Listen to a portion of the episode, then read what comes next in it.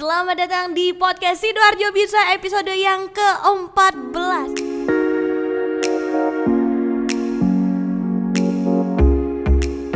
Ini bareng sama aku Marina Berlian Kamu bisa nonton di Youtube kita Sidoarjo Bisa atau bisa dengerin di Spotify kita Dan jangan lupa follow Instagram di @sidoarjobisa.id Hari ini ya di kesempatan kali ini ya Kita punya tamu yang bener-bener ganteng ya Ini kayaknya terganteng dari semua narasumber Sidoarjo Bisa saja. Aduh, kan dari suaranya udah kedengeran. Coba coba lagi dengerin suaranya. Ah, ya. Kok suara cowok ganteng itu terkesan misterius ya. Terus dia itu jago banget jetot-jetotin. Wah, jetot-jetotin apa tuh? Senar. Senar apa tuh ya? Senar alat musik tentunya ya. Dia adalah seorang musisi ya pemusik ya ya musisi ya pemusik ya terus juga punya yang namanya Prodigy Music Academy langsung aja nih aku mau kenalin kamu sama Lutfi Ardiansyah Halo. halo, aku mau jaga attitude dulu ah soalnya narasumbernya pria ganteng Hai Mas Lutfi Halo, halo, apa kabar. Sehat. bener ya iya. Mas Lutfi co-foundernya Prodigy Music Academy Ya. foundernya siapa kalau gitu Oke, kebetulan saya ini kan bareng-bareng sama istri saya. Aduh wes hilang kesempatan rek. Aduh. ya wes lah. Terus terus mas, terus terus terus. Jadi saya sama istri saya ini memang dulu sekolah musik, Mm-mm. kuliah musik dan kebetulan eh, punya angan-angan untuk suatu saat bikin sendiri. Oke. Dan akhirnya terciptalah. Prodigy Music Academy ini. Sebenarnya yang punya ide untuk ke sana sebenarnya istri saya. Mhm. Nah, saya sebagai pelaksana dan pendukung lah. Wah, ini tipe pasangan pacar yang baik ya. Mendukung pacarnya mau bikin apa pun itu ya. Siap. Disupport malah kalau bisa bikin bisnis bareng ya. Ya. Bikin bisnis Prodigy Music Academy. Ini sebenarnya apa? Sekolah musik kah? Studio atau apa?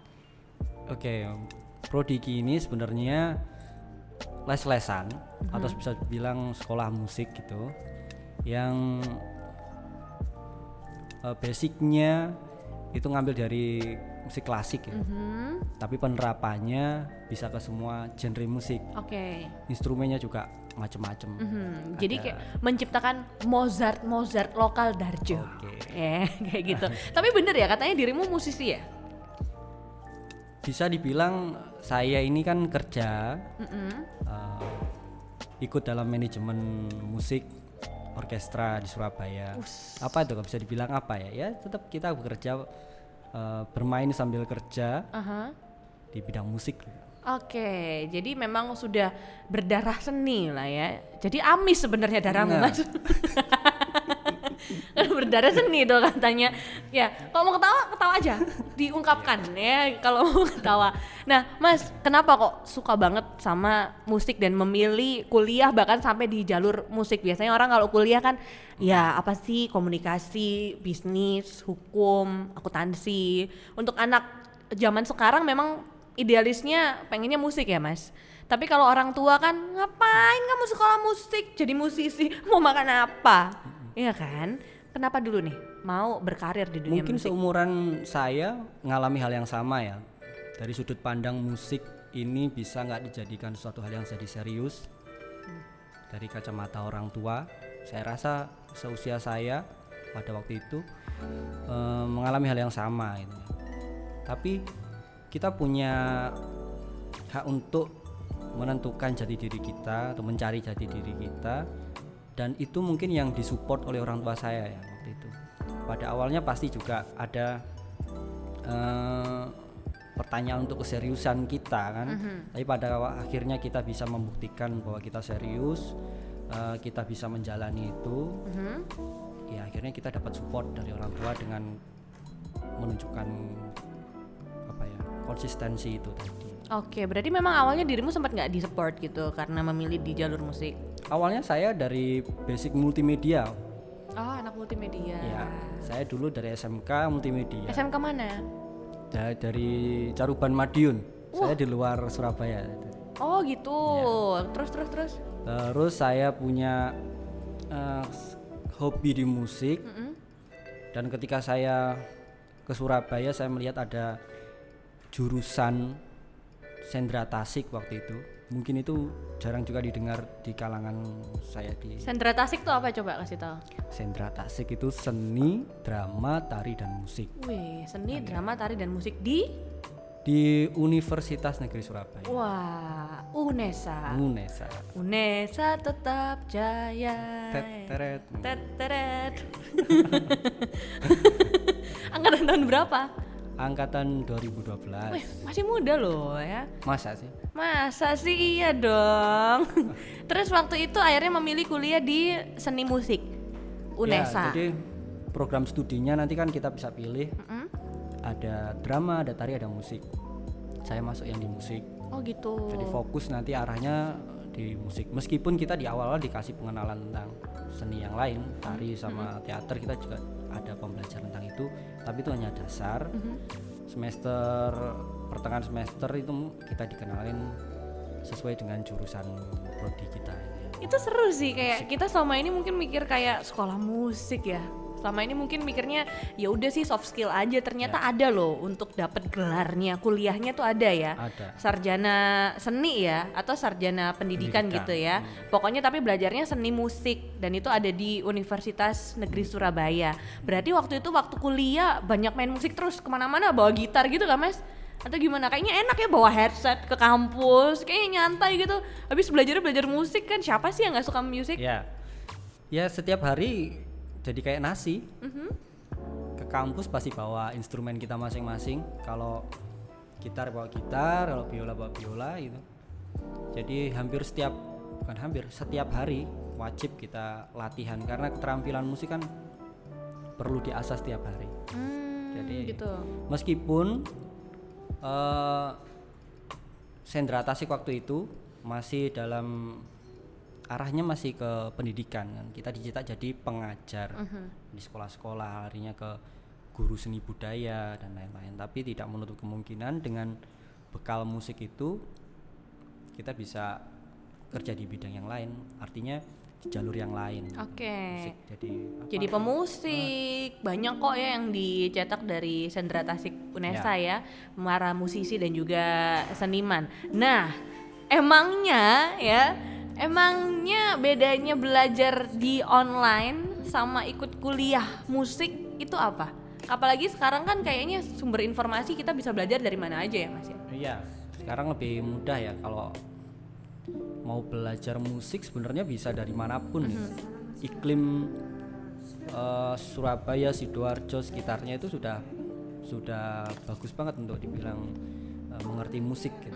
Jadi kita bisa belajar dari mana pun. Apalagi ada media sosial sekarang bisa belajar dari YouTube bisa dari. Tapi ada hal penting yang perlu ditekankan di pembelajaran musik di instrumen instrumen tertentu atau mungkin semuanya ya itu kita butuh bimbingan Oh oke.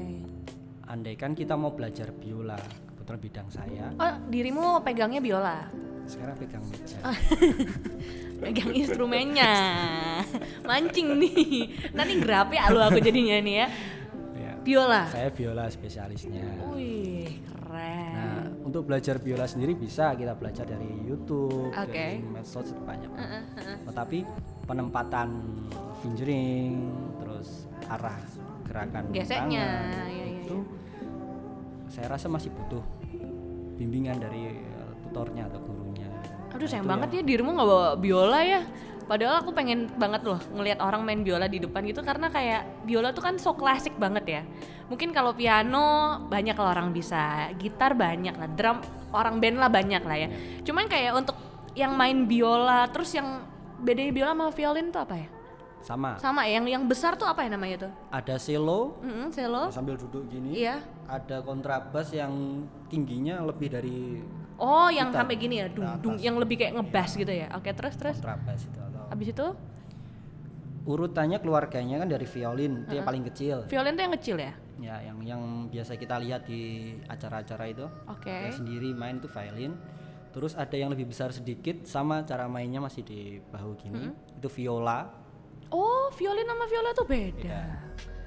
Terus cello yang sambil duduk ini Heeh, heeh. sama yang kontrabas yang kalau biola yang viola yang kecil Sama, violin sama biola itu sama. Oh, violin sama biola itu sama ya. Oke. Waktu itu memang dirimu udah punya skill biola sebelum kuliah atau belajarnya itu di kuliah? Saya belajar notasi balok dan biola dari kuliah, kenalnya dari kuliah. Oh. Awal masuk kita tes kepekaan nada, solfeggio itu. Itu dengan basic yang kita punya masing-masing, ada yang nyanyi, ada yang gitar atau ada. Eh, kebetulan saya nggak punya basic itu, Nggak punya basic musik. otodidak. Artinya Oke. otodidak. Mm-mm. Eh, notasi balok kita masih belum bisa baca. Ketika dilihat atau kriteria kita masuk, baru di situ kita dikenalkan. Mhm. Tapi sekarang mungkin sudah banyak juga orang yang baru daftar sudah menguasai eh, teori-teori musik itu. Jadi nggak main-main ya namanya kuliah musik itu cuma nggak cuman sekedar dengerin musik tapi memang harus punya basicnya kepekaan terhadap nada. Apalagi kalau kita tahu banyak orang yang buta nada. Contohnya seperti aku, penyanyi profesional yang kayak aku gini ya. Pemusiknya ngikutin nadaku, ya. Jadi nggak ada ceritanya orang ngiringin aku, aku ngikutin nada musik tidak ada. Makanya nggak ada yang mau ngiringin aku main nyanyi gitu loh mas. Kalau ngomongin buta nada sendiri itu bisa dipelajarin atau enggak sih buta notasi? Terus kan banyak yang nggak bisa baca not balok juga kan? Apa iya semua pemusik itu harus bisa baca not balok? Secara mutlak sih saya rasa enggak. Ada juga orang-orang yang punya bakat musik tanpa harus bisa eh, baca notasi, tetapi aspek itu sangat mendukung untuk menjadi profesional gitu. Ketika nanti di situasi-situasi atau di event-event tertentu yang harus baca not, ya kita gimana kalau nggak punya bekal itu. Jadi Nah benar. Di situ yang poin pentingnya. Sama kayak kita pendukung. pacaran, kalau kita tapi nggak bisa baca perasaan dan baca hatinya dia ya nggak nggak akan bisa Oh, gitu gitu kan ya ya. nggak akan peka ya Oh, kan. gitu. Nah aku juga penasaran nih sama nih kalau musisi itu aku selalu melihat jari jarinya ya. Coba tunjukkan jarinya masnya. Wah. Mana? Jari semuanya dong, jangan jari kaki ya. Nggak mungkin kan main biola pakai kaki kan. Mau, mau diramal. Coba coba coba Ya kan? giniin giniin ke kamera nih. Mungkin eh, dulur-dulur yang nonton di YouTube bisa lihat ya. Coba gini gini. Nah, ini bedanya jari yang non musisi banget sama yang beneran musisi ya. Nggak tahu kenapa kalau berlian sering banget dulur-dulur mungkin sering perhatiin ya. Kalau jarinya gitaris ya atau yang suka mainnya di jari itu kayak ramping banget, kayak bersih banget. Ya, Mas Yo kan ini iurang ngono yo. Jarinya aku kayak putih bersih gitu, Perawatan ya. ya. perawatan pedimedi kayaknya. Dirimu kayak gitu nggak? Coba lihat nih nih. Coba ya kamera bisa di shoot ya. Jari ini jari seorang pemain biola. Emang bener ya? Ada bisa dilihat dari jarinya ya? Hmm, gimana ya bilang ya?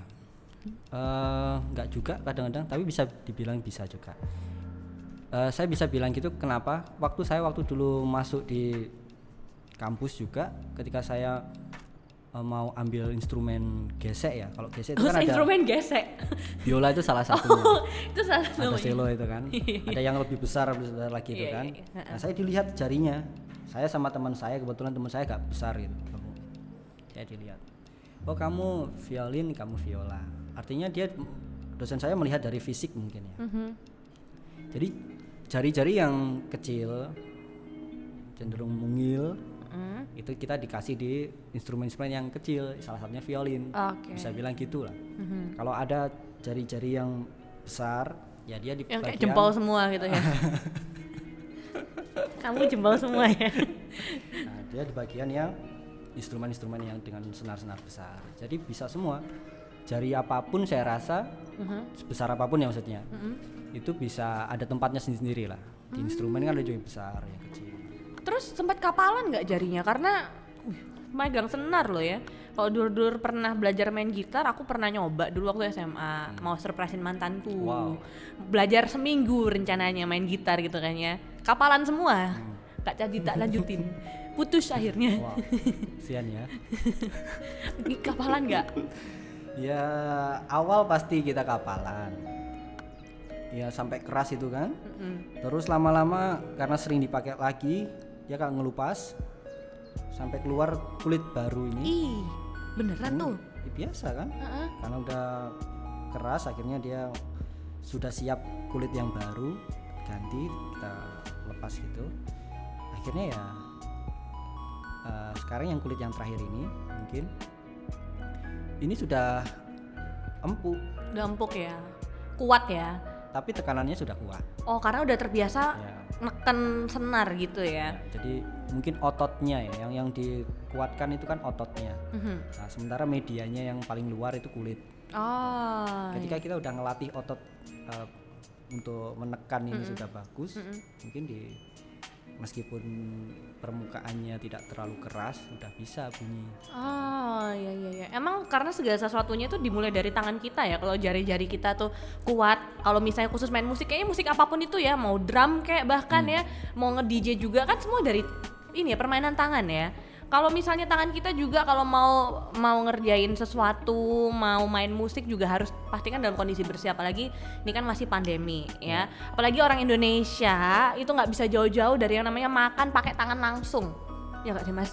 Sensasinya itu ya kamu ketika makan langsung pakai nasi dicocol menggunakan yang namanya sambal, terus juga dikasih abon. Hmm, hmm, rasanya enak hmm, ya. ngomong-ngomong soal abon makan sama nasi sama abon nih aku mau kasih tahu buat dulur-dulur ada yang namanya bonpi. Abon PT wah ini lucu ya namanya ya. Bonpi abon PT ini ada yang rasa original, ada yang pedas. Ini bisa jadi peneman untuk makan kamu. Mau makan siang, pagi, sore, malam ya. Makan yang pakai abon enaknya makan apa? Ayo. Kayaknya semua ya. semua enak Semua ya, Cocok. apalagi ini abon PT ya, eh, abon ayam, daging ayam gitu kan ya. Dan kamu bisa dapetin ini tuh harganya mulai dari 9.000 aja sampai 161.000. Tergantung kamu mau cari yang mana. Yang 50 gram ada ya. Yang satu kilo ada ya. Entek no sa abon-abone satu kilo wes panganan ya. Kamu bisa dapetin di @3putrafood itu Instagramnya. Sekali lagi dulur-dulur bisa cek aja di @3putrafood.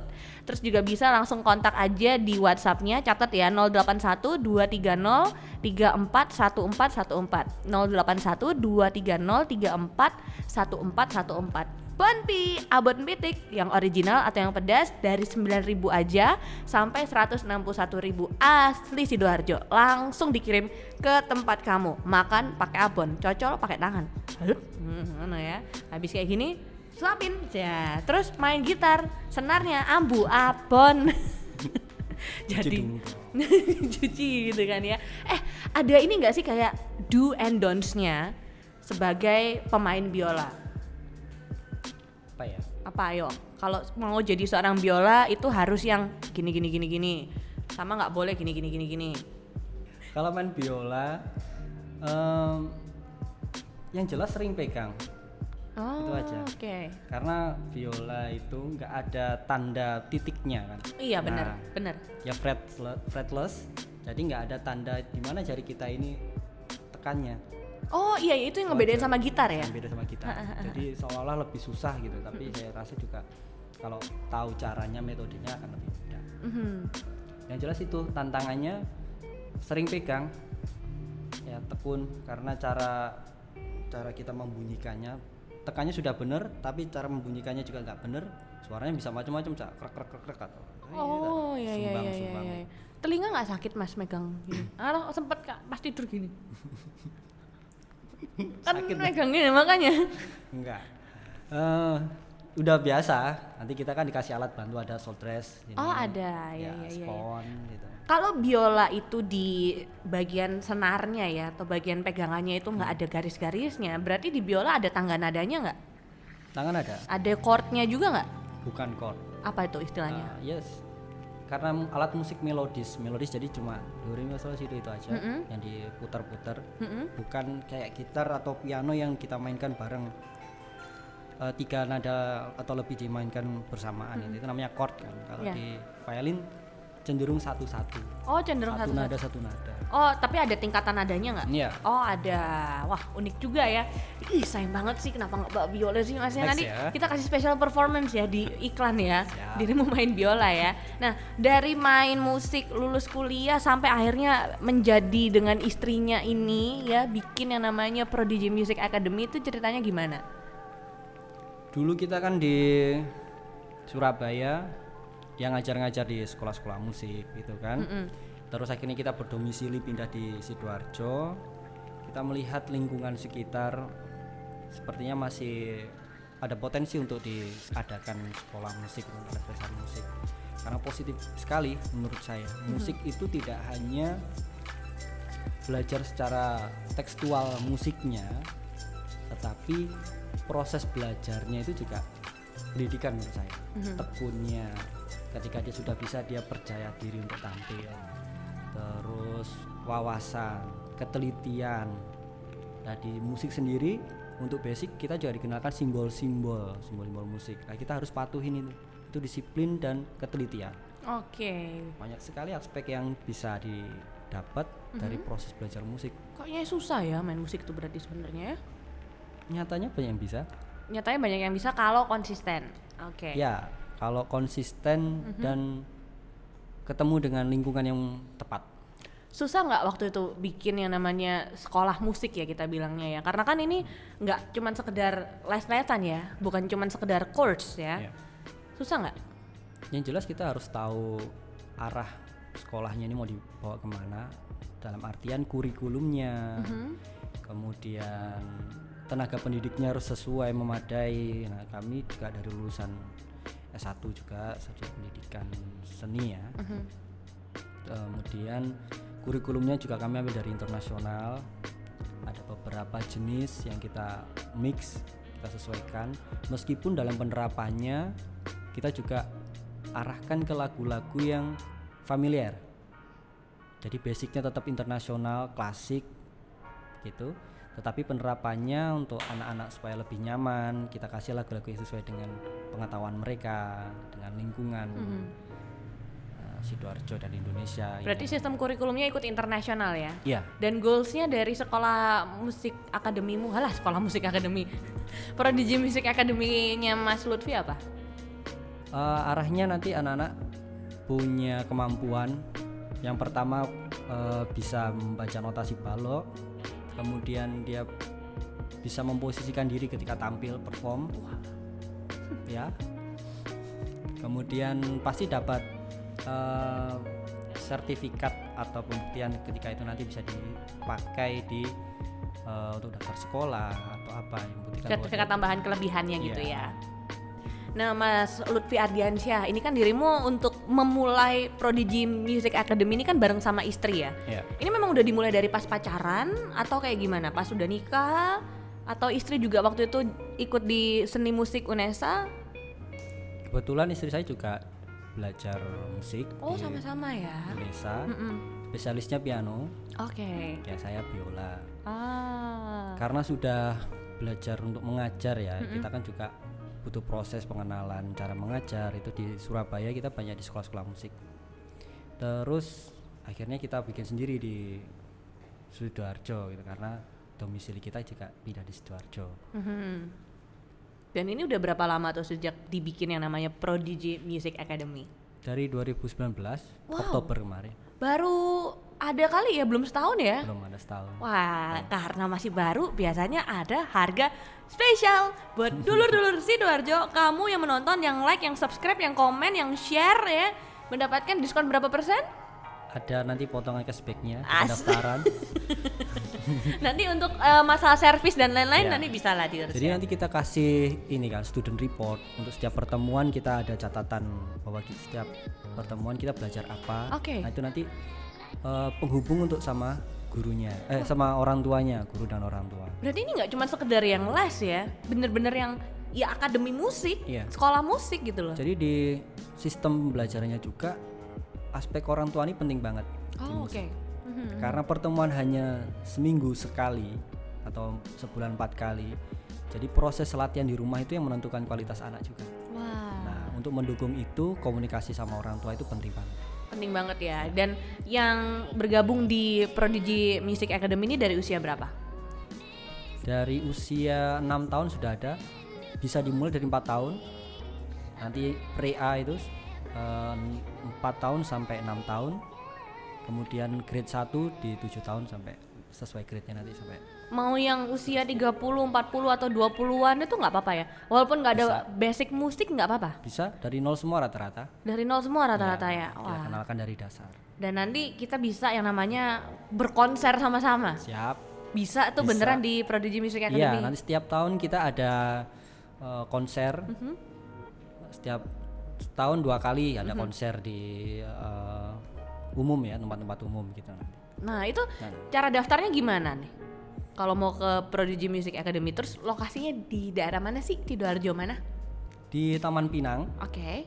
eh Casa Veranza, perumahannya Casa Veranza. Mhm. Jadi kalau tahu nasi surga itu belakangnya situ perumahan belakangnya. Oh, oke. Bisa di Instagram juga kan di Prodigy Music Academy. Bisa dilihat nanti tempatnya sudah ada titiknya. Asik. Ya nanti bisa langsung aja ke Instagram at Prodigy Music Academy. Ada di daerah Taman Pinang di perumahan Casa Veranza. Casa Veranza atau langsung aja ke Instagramnya Mas Lutfi nih di mana Instagramnya? Eh saya di Lutfi Violin. Mhm. Kalau di Prodigy, Prodigy Music Academy gitu aja. Asik. Boleh dong kasih eh, harapan-harapannya apa nih buat eh, Sidoarjo khususnya dari seorang musisi kan dirimu juga eh, penggiat seni, pengajar, owner, co-founder ya sama istri kan ya, Ya. Prodigy Music Academy. Untuk Sidoarjo apa nih? Harapan saya dengan adanya wadah seperti ini, jadi kebuka mindset masyarakatnya untuk menyolok mensekolahkan anak-anaknya di tempat-tempat yang bisa mengembangkan bakat.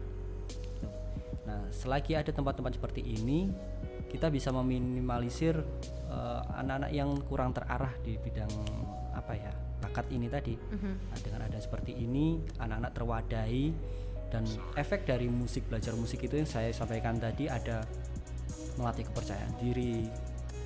Selain dari tekstual musiknya ya, melatih kepercayaan diri, dia bisa fokus, dia melatih eh, interaksi dengan teman karena di musik juga ada eh, interaksi itu tadi. gitu. Banyak hal yang bisa didapat dari proses pembelajaran musik yang itu berefek eh, di kehidupan sehari-hari. Nah, jadi bisa bentuk pribadian juga. Asik. Jadi tunggu apa lagi? Start to play music. Kalau pengen belajar kayak gimana nih? Mungkin kamu dari nol boleh langsung aja ke Prodigy Music Academy di Instagram bisa atau langsung aja kamu ke daerah Taman Pinang ya.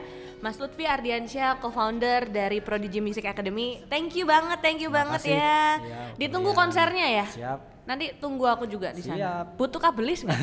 loh, angkat-angkat sound system loh, penting loh itu. Itu butuh seni, seni otot ya. Hmm, tunggu nanti ini bentuk ini otot aku. Makasih ya mas, salam buat istrinya Iya, juga ya. siap. Jangan lupa diskon ya. Udah dipromosiin, kak dikasih diskon lagi. Ya udah deh kalau gitu. Buat dulur-dulur terima kasih ya buat kamu yang udah nonton dan dengerin untuk podcast kita di YouTube Sidoarjo Bisa, di Spotify Sidoarjo Bisa dan jangan lupa ikutin update-nya kita seputar Sidoarjo. Dan buat kamu yang pengen tahu kira-kira eh, bisnis-bisnis keren apa lagi nih yang ada di Sidoarjo ya, kamu bisa follow Instagram kita di @sidoarjobisa.id. Aku Marina Berlian pamit ketemu di episode selanjutnya. Dadah.